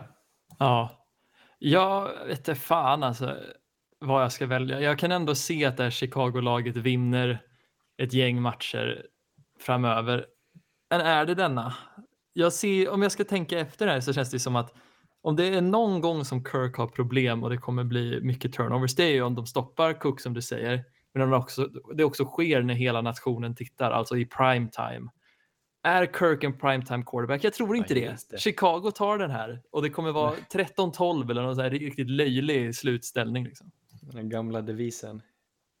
Ja, det, det hade jag glömt, det här med Kirk och primetime. Den, är, den bör vi ta upp igen, den blir aldrig uttjatad. Nej, precis. Lite kanske. Men hörni, det var väl allt för den här veckan. ja, det är att samlas i tron på oss själva. Och på framtiden. Och på kärleken. Och på att Denver spelar fyra kvartar fotboll. Det händer inte. Nej, precis som att Jesus inte finns. Det, Fan. ja. Nej, för han är död. Eller finns i, i vårt hjärta? Han finns överallt, precis som att Denvers spel i fyra kvartar också finns överallt. Det är liksom den Men tanken. inte på planen. Nej, det gör den inte. Men du kan liksom inte konkretisera det. Det här är liksom en filosofi. Om vi Nej. tror på det, då kommer liksom det leva genom oss. Och då kommer Denver alltid spela. Du får fila leva. på den här till nästa vecka Davy. Uh, jag Ja, är men vänta, jag, jag kan ta in en expert som kan ge en kommentar på det. Nej, jag vill inte ha någon expert. Mm, spaghetti. Ja, där kom han. Quiz. Mm, spaghetti. Var, vilken stad kommer Thomas Di Leva ifrån? Gävle. Ja, jävlar. En poäng. Tack. Två poäng. Ja. Det var Det var inte så quiz. svårt. Det kanske inte var. Nej, det var en av de få människorna som man vet var de kommer ifrån. Var kommer är- Christer Sjögren ifrån? Oj, Oj. det här borde man veta. Jag tror han är från Arvika. Ah, Ah, ja, fan, jag Vikingarna tänkte kommer var ifrån. någonstans. det skulle kunna vara. Lena PH. Åh, hon är små, smålänning väl? Det är hon. Hon kommer från eh, v, v, Växjö. Nej, men det var rätt bokstav. Vimmerby. Nej, jag fortfarande- Vetlanda. Ja. Snyggt. Ja. Det är en hålare. Ja. Nej, men det är väl... Ändå trevlig. Vet ni vad? Jag kan tipsa här innan vi rundar av här. Här om veckan åt jag typ den godaste bakelsen jag ätit på mycket länge. Det var en äppelkaka, det var typ massa rindeg. Men, och bland möter äppelpaj från Stenugnsbageriet Hedda Gretas utanför Vetlanda. I Ekenässjön. Ja, vad trevligt. Helt fantastiskt vad gott det var. Jag fick en liten flashback, Anders. Kommer du ihåg när vi var mindre började bakade i köket ihop? Vi bara slängde ihop lite ingredienser. Kommer du ihåg att vi gjorde en äppelkaka utan äpplen någon gång? Eller den det. verkligen. Smakar exakt som äppelkaka. Ja, det minns jag. Ja, vilka Det minnen. var märkligt. Att vi vågade äta det.